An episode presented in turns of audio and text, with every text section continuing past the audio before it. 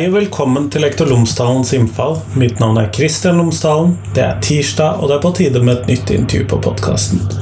Denne gangen snakker jeg med en medstipendiat på Universitetet i Bergen. Han er også universitetslektor ved Universitetet i Sørøst-Norge.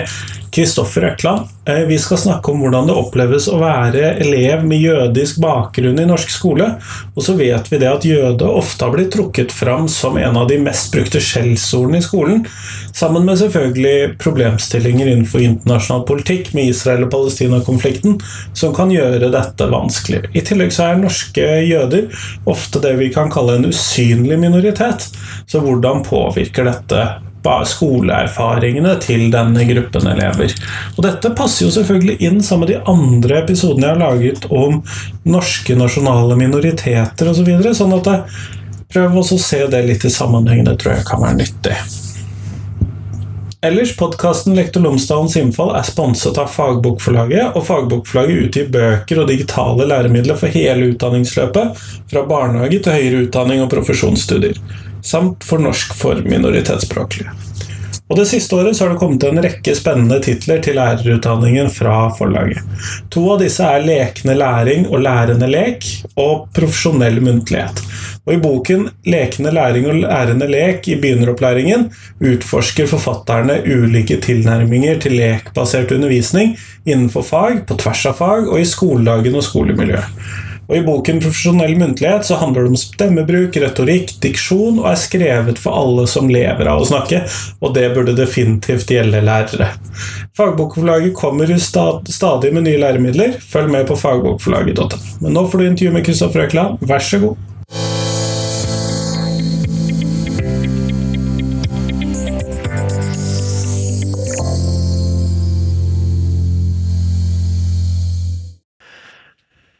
Kristoffer Løkken Økland, tusen takk for at du har tatt deg tid til meg i dag. Ja, takk for at du inviterte meg òg. Ja. Før vi kommer sånn ordentlig i gang med intervju, så hadde jeg håpet at du kunne fortelle lytterne mine tre ting om deg selv, sånn at de kan få bli litt bedre kjent med deg. Ja, um, så det første er jo kanskje at jeg har bodd lenge i Danmark. Jeg syns det er et særtrekk. Så som jeg pleier å si, så er jeg bergenser av hjerte, men kanskje dansk av kultur. Uh, kulturell oppdragelse. Um, men jeg fikk en gang vite at det var en kjedelig referanse. Uh, kjedelig fun fact. Um, og denne personen mente at det var mye mer morsomt at jeg har skrevet en liten kort historie om en, en flaske som uh, etter et langt liv i panteautomater og blir fylt og tømt for innhold, uh, lengtes etter forbrenningen. Um, Den evige utslettelse og så videre? Ja. Um, så det er det andre. Uh, det tredje er jo kanskje hvorfor jeg er her som stipendiat i Bergen. Uh, og jeg er egentlig sosiolog, men jeg endte på religionssporet, religionssosiologien, og studerte en pinsekirke i Danmark. Og, det der jeg liksom kom inn på fordommer, for jeg så disse ungdommene som jeg fulgte i den kirken. Uh, sto ute med dem en kveld på byen. Uh, de delte kaffe og kakao til forbipasserende. Og da var det én sto og diskuterte med en av disse ungdommene eh, og sa at ja, men du kan ikke drikke alkohol. Jo da, kan drikke alkohol. Nei, du kan ikke. Eh, og frem og tilbake der. Så det var fascinerende at denne utenfra kommende personen, litt beruset, visste mer om religionen til denne lederen for ungdomsgruppen enn eh, enn den ungdommen selv gjorde. Ja. Og det ser vi jo egentlig relativt ofte, så det er jo et interessant tema i seg selv, men det vi skal snakke om i dag, er kanskje noen andre fordommer? Ja, um, fordi det gjorde at jeg, jeg fant dette fordomsprosjektet etter hvert. Og, uh, om antisemittisme og fordommer mot jøder. Um, og gått inn på det sporet. For jeg syns det var Det er noe der som rett og slett er uutforsket. Og det er hvilke erfaringer unge jøder har med blant annet å møte fordommer. Um, i skolen. Det var utgangspunktet, men jeg, men jeg, så at mye av den forskningen som er gjort på, på dette feltet, de har egentlig tatt utgangspunkt i at uh, vi skal spørre jøder om hvordan de har opplevd antisemittisme. Og så har de gjort det, og så har de fått noen svar på det. Viktige svar, viktig forskning. Men det er et eller annet med hva jødisk identitet og hva jødisk liv er, og hvordan det er å være jødisk ungdom på skolen, som, som det bør ikke være sagt mye om. Um, Men det er jo en, nettopp en kanskje veldig viktig sosial situasjon. Ja, jeg, jeg tenker jo det er med ved å, å kontekstualisere alle disse erfaringene de har med antisemittisme ellers.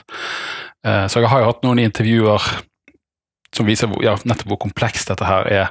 At disse ungdommene kunne starte sin fortelling med Så har jeg opplevd antisemittisme på den måten, og jeg har opplevd de fordommene her, gjør det som skjellsord. Og så kunne jeg spørre hva har du ellers opplevd? Har det ellers vært bra å gå på skolen? Eh, slike spørsmål. Da det kommet frem at de har egentlig hatt, mange har hatt det ganske bra. Um, det er noen som har hatt en del utfordringer. Um, men det er flere som, som, har hatt det bra. Og da faller mange av disse erfaringene litt i, i bakgrunnen i, i, i, hva de tenker på i hverdagen. At det betydde kanskje ikke så mye at de hørte denne jødevitsen for, for fem år siden. Um, mens for andre gjør det det.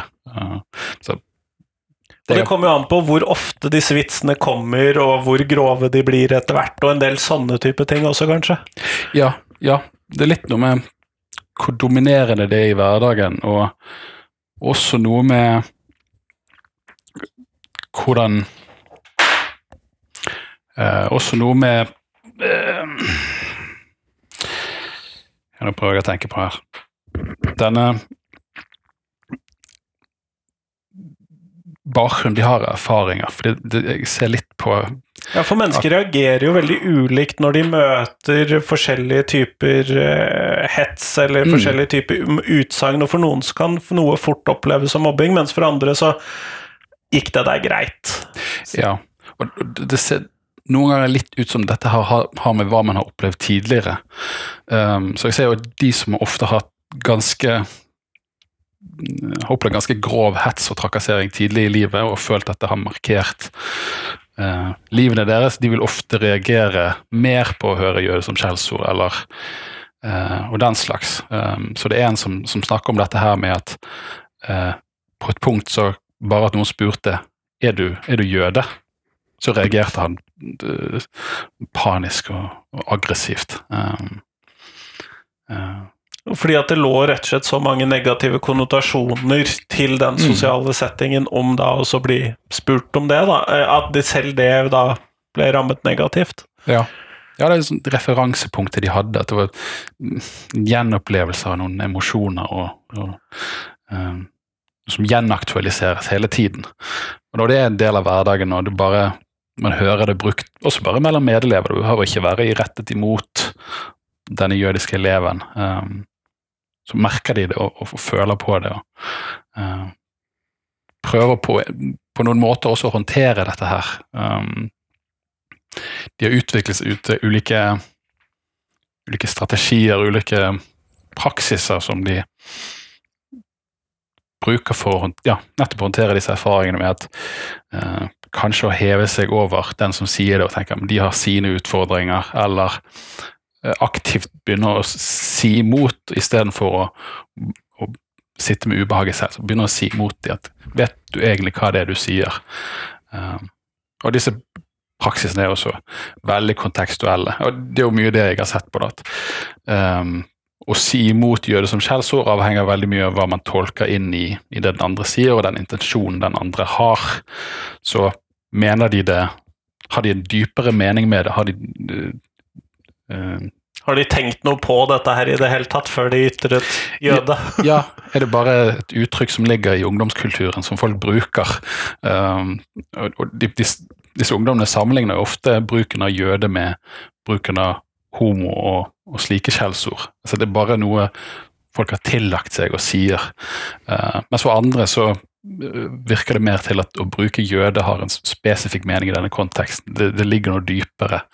Um, om det er et hat til jøder, om det er antisemittisme, det er jo noe som kan diskuteres, men det er i hvert fall en Det er i hvert fall ikke positivt, da. Nei.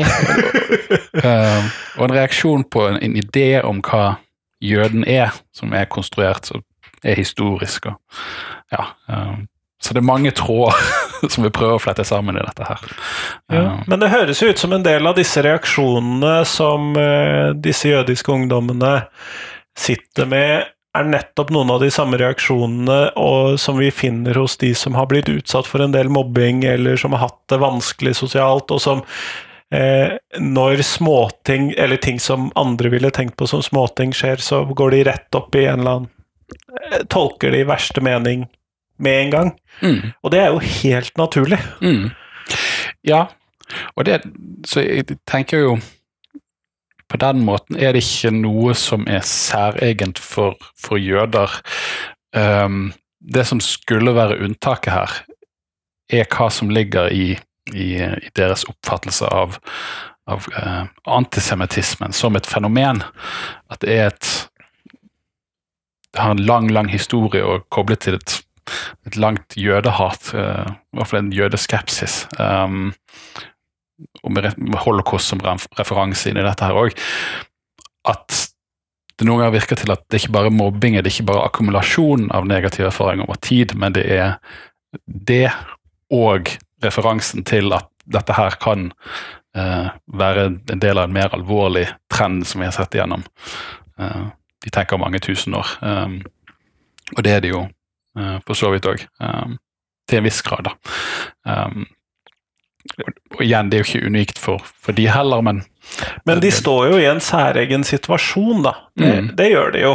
Med denne referanserammen som du sier. Mm. Ja. Jo, på en måte, men så kan vi tenke Rasismen har liksom samme, Og samme historie, og skeive har samme historie. Eh, samene altså, Så det er Det er jo kanskje det, hvis man skal begynne å trekke opp hva det egentlig er, så er det jo noe med betydningen av uh, de historiske referansene i, i, for hvordan man erfarer mobbing. Um, Ja, men jeg mistenker jo at hvis vi, hvis vi hadde gjentatt prosjektet ditt da, for å snakke med unge homofile ungdommer i skolen, uh, unge samiske ungdommer i skolen, Uh, unge eh, melaninrike elever i skolen, så ville vi finne kanskje mange av de samme reaksjonsmønstrene og variasjonene som du har funnet her, men det settes kanskje ekstra på spissen med tanke på den jødiske historien i Europa. Mm, ja. Nei, jeg tror absolutt det. Um, og det er et referansepunkt for, for de, de også snakker om sine erfaringer.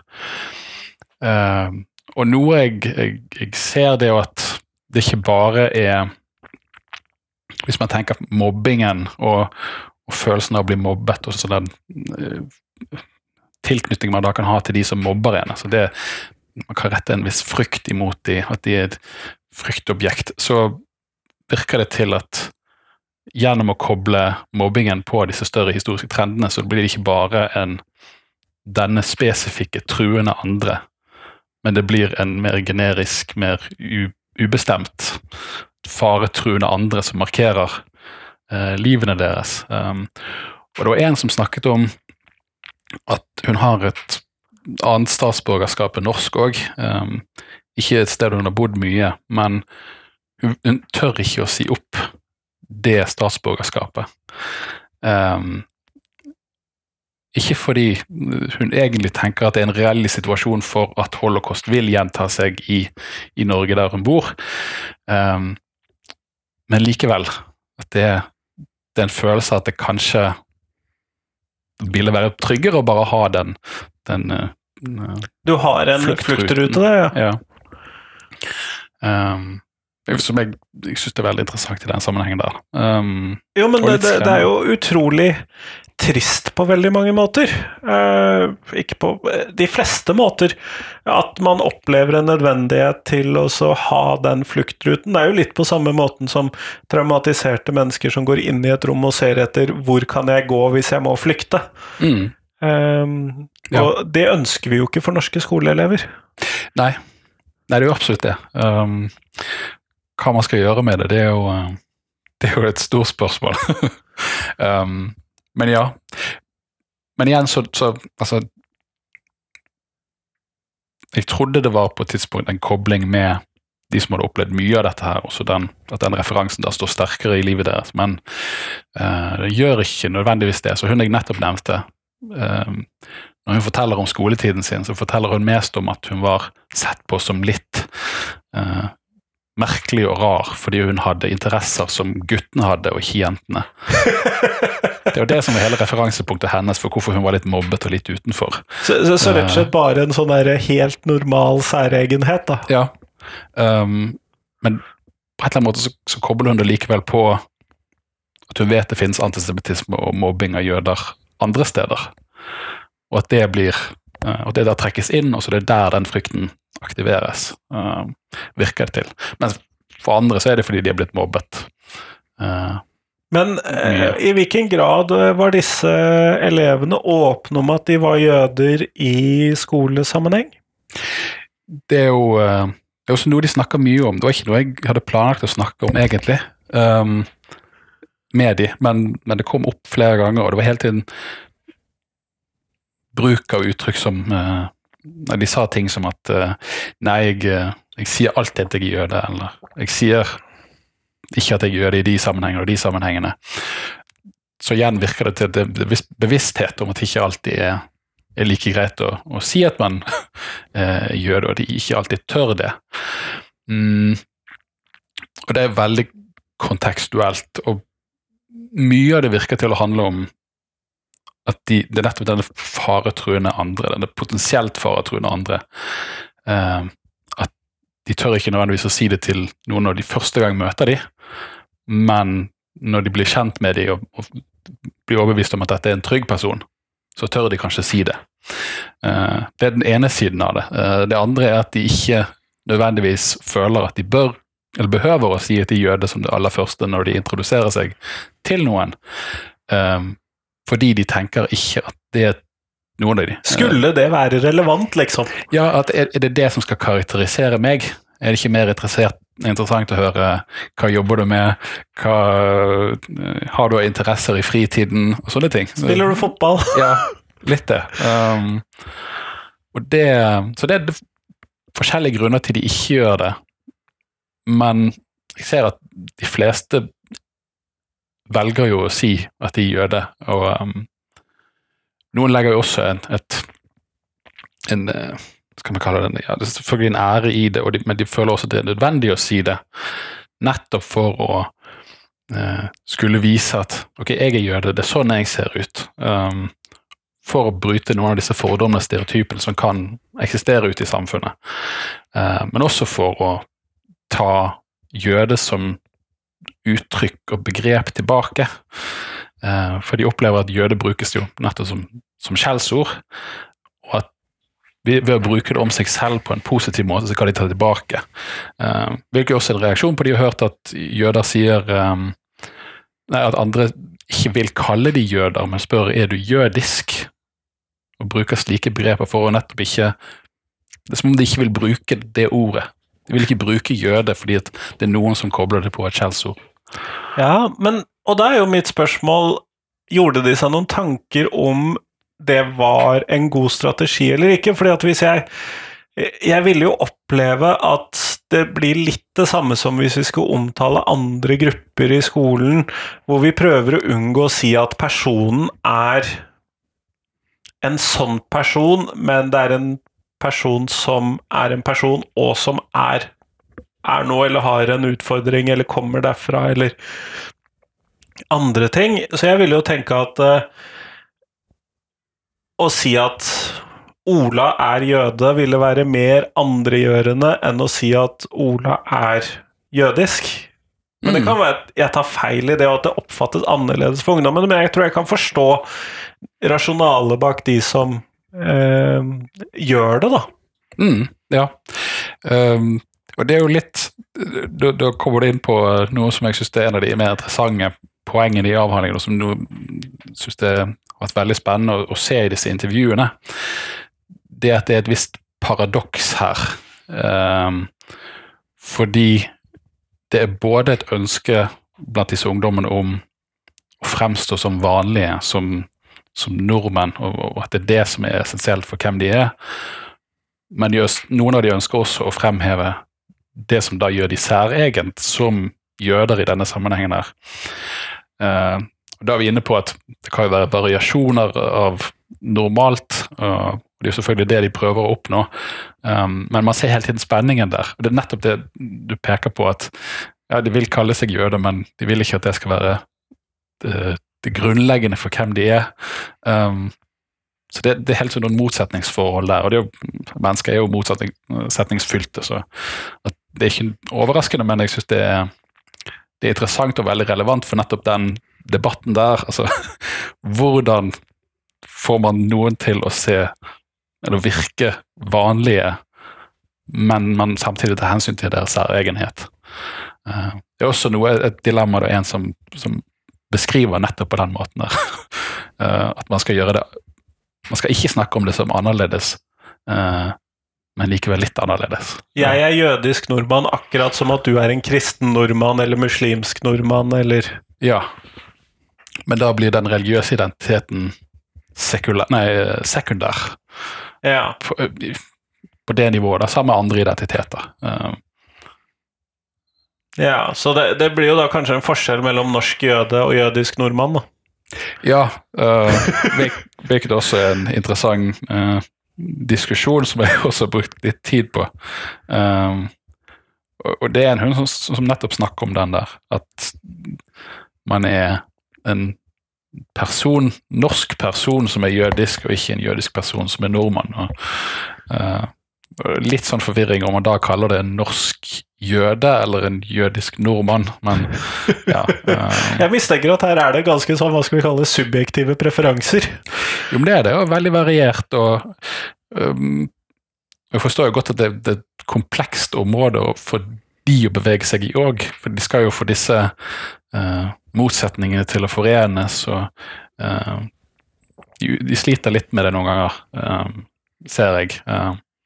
Men jeg tenker det gjør vi alle igjen. Um, ja, og jeg kjenner jo igjen noen av disse tingene du diskuterer der, fra noe så, hva skal vi kalle det, eh, banalt som eh, Karpe sin sang og eh, som påfugl Jeg husker ikke hva det heter, men eh, mm. hvor han synger at han venter med å så, eh, fortelle at han er muslim, til at mm. man har fått et inntrykk. Ja. Eh, og det er jo noe av det du beskrev litt tidligere her. Ja da. Og, og, det er noe som, som, også tidligere forskning har sett på. Uh, en ganske god studie av uh, Mette Andersson og Anders Versenden som har sett på uh, Som snakket med muslimsk ungdom på, på Grønland i Oslo og, og norske kristne. eller majoritetskristne, eller Hvor de også ser at de majoritetshvite eh, kristne eh, har friheten til å ikke si at de er kristne, um, mens muslimer litt mangler den. Fordi at de blir avslørt som muslimer ved hjelp av utseende eller lignende? Ja, uh, det er det de føler. Um, og, og, det er det der jeg syns Og det syns disse ungdommene òg, så det er ikke bare min uh, vurdering. men at de har en interessant plassering i, i dette her. Fordi uh, de, mange av de har jo det man vil karakterisere som et majoritetsutseende. Det noen vil tenke på som et stereotyps majoritetsutseende. Um, og sier også om seg selv at ja, men jeg ser jo så norsk ut, eller jeg ser ikke norsk ut, for det er noen som skiller seg litt ut. Men det de opplever, det er at deres utseende ikke avslørende de må på mange måter komme ut av skapet. Da. De, ikke, de er mm. ikke i seg selv ute av skapet som jøder bare ved å gå rundt i samfunnet. Nei, det er nettopp det. At de kan, hvis de vil, velge å ikke fortelle at de er jøder i en periode. Um, men så er det noen ting som, som etternavn, eller eh, de har vært på ferie i Israel, og så spør noen hvorfor har du det? Og så må de da velge hvordan skal jeg forklare dette her. Um, og det er hun forteller at hun får det spørsmålet om utseendet hennes òg, for hun har litt sånn mørkere trekk og litt sånn uh, spisse ansiktstrekk. Og så har hun fått spørsmålet sånn uh, hvor, hvor, kommer familien din fra? Hvor er bakgrunnen? Uh, ofte velger hun å si at uh, hun ha italiensk. Og så sier de selvfølgelig, det er det du er. Uh, når du da spør, når du da sier nei, men det er fordi familien min er jødisk, og de kommer fra, fra Israel. og sånn. Ja, selvfølgelig det er der jeg ser det. Altså. Så det, uh, for de er Alt blir selvfølgelig. ja, ja. um, det er bare De bekrefter bare stereotypiene på den ene eller andre måten, men de kan selv velge på hvilken. Um, Jo, jo, men samtidig, disse forhandlingene her, da, som du beskriver, de må jo samtidig innebære en del sånne mentale dilemmaer knyttet til eh, Svikter jeg mitt eget, mine, min trosgruppe, et eller annet, ved å velge å ta en annen identitet i sammenhengen? Eh, Ikke som jeg har sett i, i mitt materiale. For det, Um, det er min umiddelbare sånn tanke, hvis man da skulle si at man var italiener istedenfor å være fra israelsk familie. ja, Så er, så er det jeg ville tenkt. jeg, jeg ser hva du tenker der. Um, jeg kommer faktisk ikke på et eksempel på det. Nettopp. Um, hvilket er jo interessant i, i, i seg selv, kanskje. Jo, jo, men de tingene vi Um, finner, og de tingene vi ikke finner, er jo tidvis like interessante. Ja, ja. Jeg, jeg kan jo begynne å spekulere om hvorfor, men uh, Du skal slippe Ja. oss å spekulere om Ja. hvorfor, fordi at det, det blir vanskelig å gjøre på stående fot. Men hvis jeg da som lærer får inn elever som eh, kom, som har en jødisk bakgrunn, eller som er jødiske, eller ja, hvordan jeg nå skal formulere det. Uh, Ut ifra det som du har lært av disse ungdommene, og har reflektert rundt etterpå, har du noen særlige sånne tanker om uh, hva jeg bør tenke på da? kommer på hvilken lærer man er. Um, fordi det er både dilemmaer knyttet til å være historielæreren som, som har jødiske elever i klassen og Og som skal snakke om holocaust, f.eks.? snakke om holocaust, eh, eller religionslærere som skal snakke om jødedom. Um, ok, jeg skal snakke om det, det siste, fordi det er det jeg har sett mye på i det siste. Um, og det er mye knyttet til hvordan religionslærere representerer og fremstiller uh, jøder og jødedom i religionsundervisningen.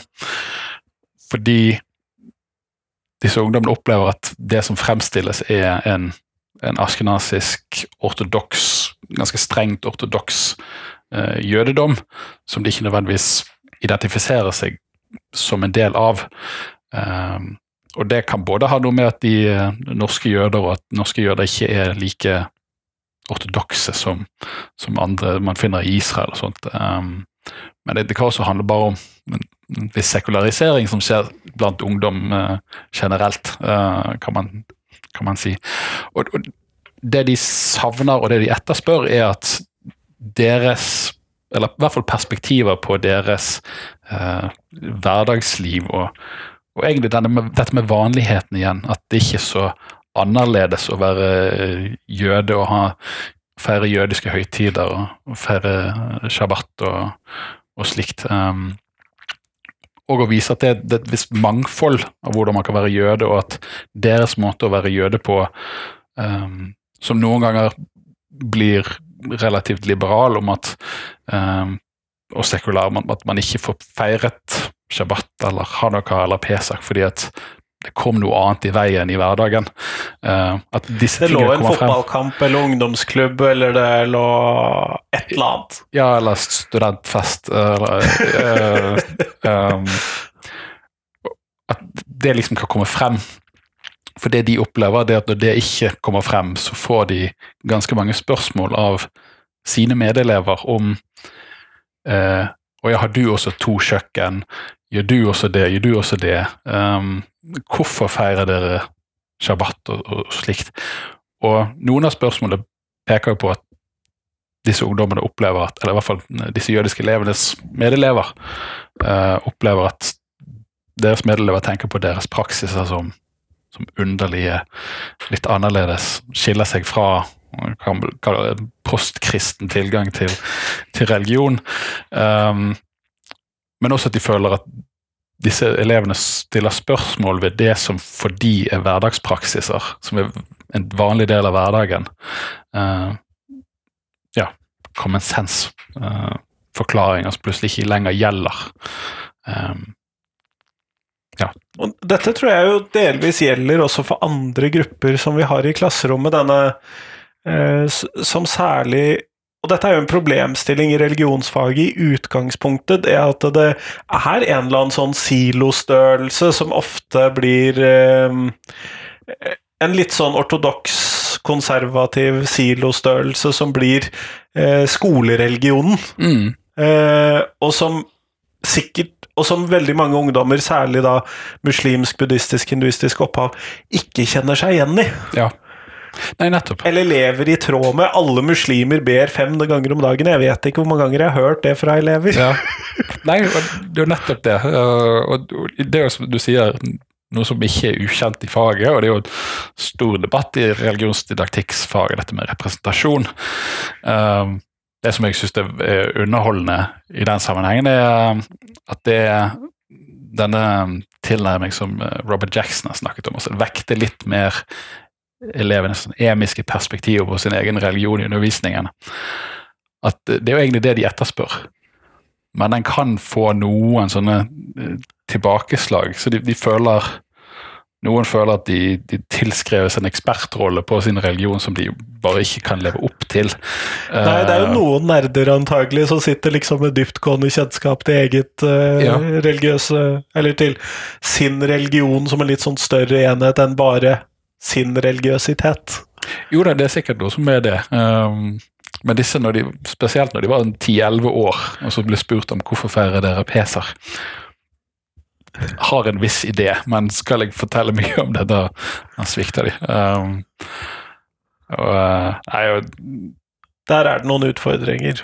Det er det, men de, de, de, vil jo også ta den rollen på seg selv, så det er jo de som sier at nå vil jeg være representant for jøder, og så vise at disse, det som kommer frem i undervisningen, ikke stemmer. Um, og de mener også at virker det til at den fremstillingen som kommer frem, er kanskje nødvendigvis ganske forenklet og uh, noen ganger stereotyp, um, men at den gjerne kan være det så lenge de får se og møte en annen jøde.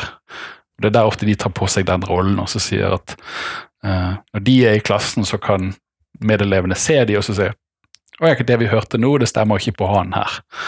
Da må det være feil. Uh, eller, eller, ikke feil, men det må være én variasjon av mange. Jo, men noen vil jo da antagelig tenke dette er feil. Det vil de kanskje òg. Uh, hvilket er like problematisk, uh, kan man si. Um, jo, jo. Og, og det og de, de, snakker jo noen ganger litt om fremstillingen som feil òg. Tror det har med at de føler seg den, at den er veldig misrepresenterende for, for de. Men uh, de mener at den er, siden den er veldig ortodoks, så representerer den bare de ortodokse, og de, de omtaler den nesten som litt i hvert fall feil i en norsk kontekst, nettopp fordi at det ikke er uh, den, norsk, den jødiske menigheten, Mosaisk trossamfunn, er jo en ortodoks menighet. Men om de er ortodokse, alle de som er der, det er jo noe de ikke er så sikre på. Uh.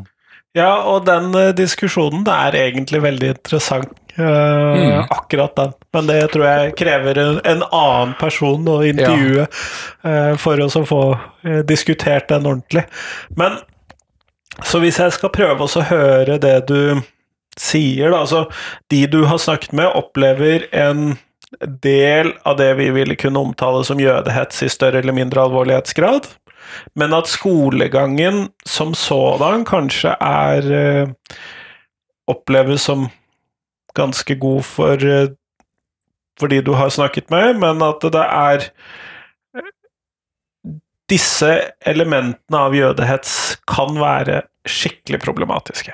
Har jeg tror, har jeg forstått deg sånn rimelig riktig, en sånn kort oppsummering da? Ja, til en viss grad. Uh, akkurat det med om de opplever så mye, altså Det er jo relativt. Fordi, ja, for det blir jo subjektivt. Hvor, ja, hvor mye bør noen oppleve? Man kan si ingenting, så alt er for mye. Um, og, og, det er noe med hvem jeg har fått snakke med òg, for de har jo fått melde seg til uh, frivillig. Um, ja, ja. Og så, det, det, er jo noen utvalgsproblemer med alle sånne kvalitative ja, under, alle undersøkelser. Så det er jo, det er jo Men det, du har rett i at det er flertallet de jeg har snakket med, har hatt enkelte episoder og kanskje enkelte perioder som har vært særlig utfordrende. Men ellers har hatt det ganske bra fra de begynte på barneskolen til de nå er på universitetet eller ferdig på universitetet. Um, men så er det også andre som, som har hatt disse ganske ubehagelige erfaringene ganske tidlig på skolegangen. og Og som som dermed har festet seg, da. Ja, og så har det ofte fortsatt over lengre tid òg, uten at de er blitt sett av læreren. Uh, er noe de, de opplever. At det forsvinner. At Gjør det som skjellsord når det brukes mye, så tenker læreren jo, men det er problematisk, men det klarer de sikkert. Men det, det føles jo ganske ubehagelig for de, og så sitter de bare med den følelsen og mister tillit til, til omverdenen og til læreren. og um, Som viser hvor viktig det er at man tar tak i den typen hets da, når det skjer. Mm, ja. Jo, det er nettopp det. At dette med å bli, bli sett, og at det i hvert fall er noen som prøver å forstå hva er det som, som gjør dette så ubehagelig, uh, det er noe de, de ønsker, i hvert fall. Uh, i uttrykk for. At jeg kunne ha reddet de for å ha slitt med dette i, i mange år etterpå. Eh, Kjempeflott, Kristoffer. Vi går mot slutten av podkast-tiden vår, og da har jeg et spørsmål som jeg stiller alle de jeg intervjuer. Og hva er de tre viktigste tingene som skolen lærer elevene? ja. Ehm, Både urelatert og relatert kan eh, fungere. Der er jeg relativt fleksibel på din tolkning av mitt spørsmål. Ja, og det er noe med hvordan eh, de kan forsøke å lære elever, men det, Og det er også et spørsmål. Ja. Ehm, jeg har kommet mer og mer til å tenke Ikke at det er noe med religionsundervisningen å gjøre, men læringskompetanse. Det tenker jeg er særlig viktig. Altså, evnen til å lære og evnen til å lese ordentlig. Og, og ikke bare bli satt til det. Eh, det er en veldig forenklet fremstilling av skolen. jo, men, uh, men det å lære å lære. ja.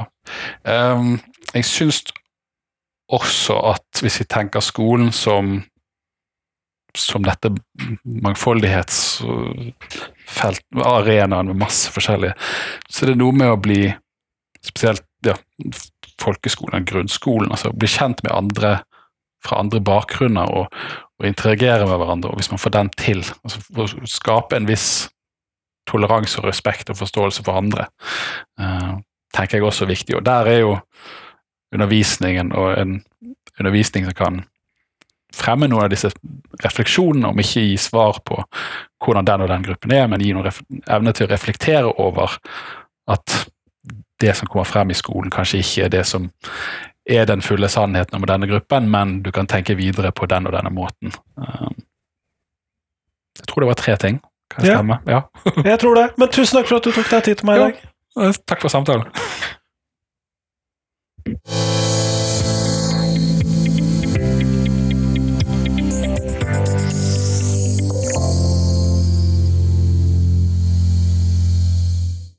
Tusen takk til Kristoffer, og tusen takk til deg som hørte på. Nå resten av november så kommer det to episoder hver uke. Og det er rett og slett fordi at jeg har noen episoder jeg gjerne vil hva skal vi kalle det, få ut på markedet før vi, det tar for lang tid fra opptak. Eller så har jeg ganske god backlog av episoder, sånn at eh, jeg syns det er veldig gøy og fint. Det er ganske betryggende, men samtidig så er det jo litt kjedelig å la episoder bli liggende. Så nå har jeg prøvd å samle noen som jeg tror du vil synes er interessant. Den første episode den kommer på fredag. Så kommer det selvfølgelig en ny episode på tirsdag, så kommer det en ny episode neste fredag, og så fortsetter det tirsdag og fredag.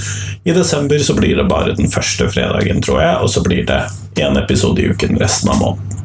Satser jeg på. Men send meg gjerne tips, for jeg trenger det. Når jeg har tømt ut det jeg har på lager, så må jeg jo fylle det opp med noe nytt. Og da må jo du hjelpe meg med det. Men nå, nå får du ha en fin uke. Hei, hei.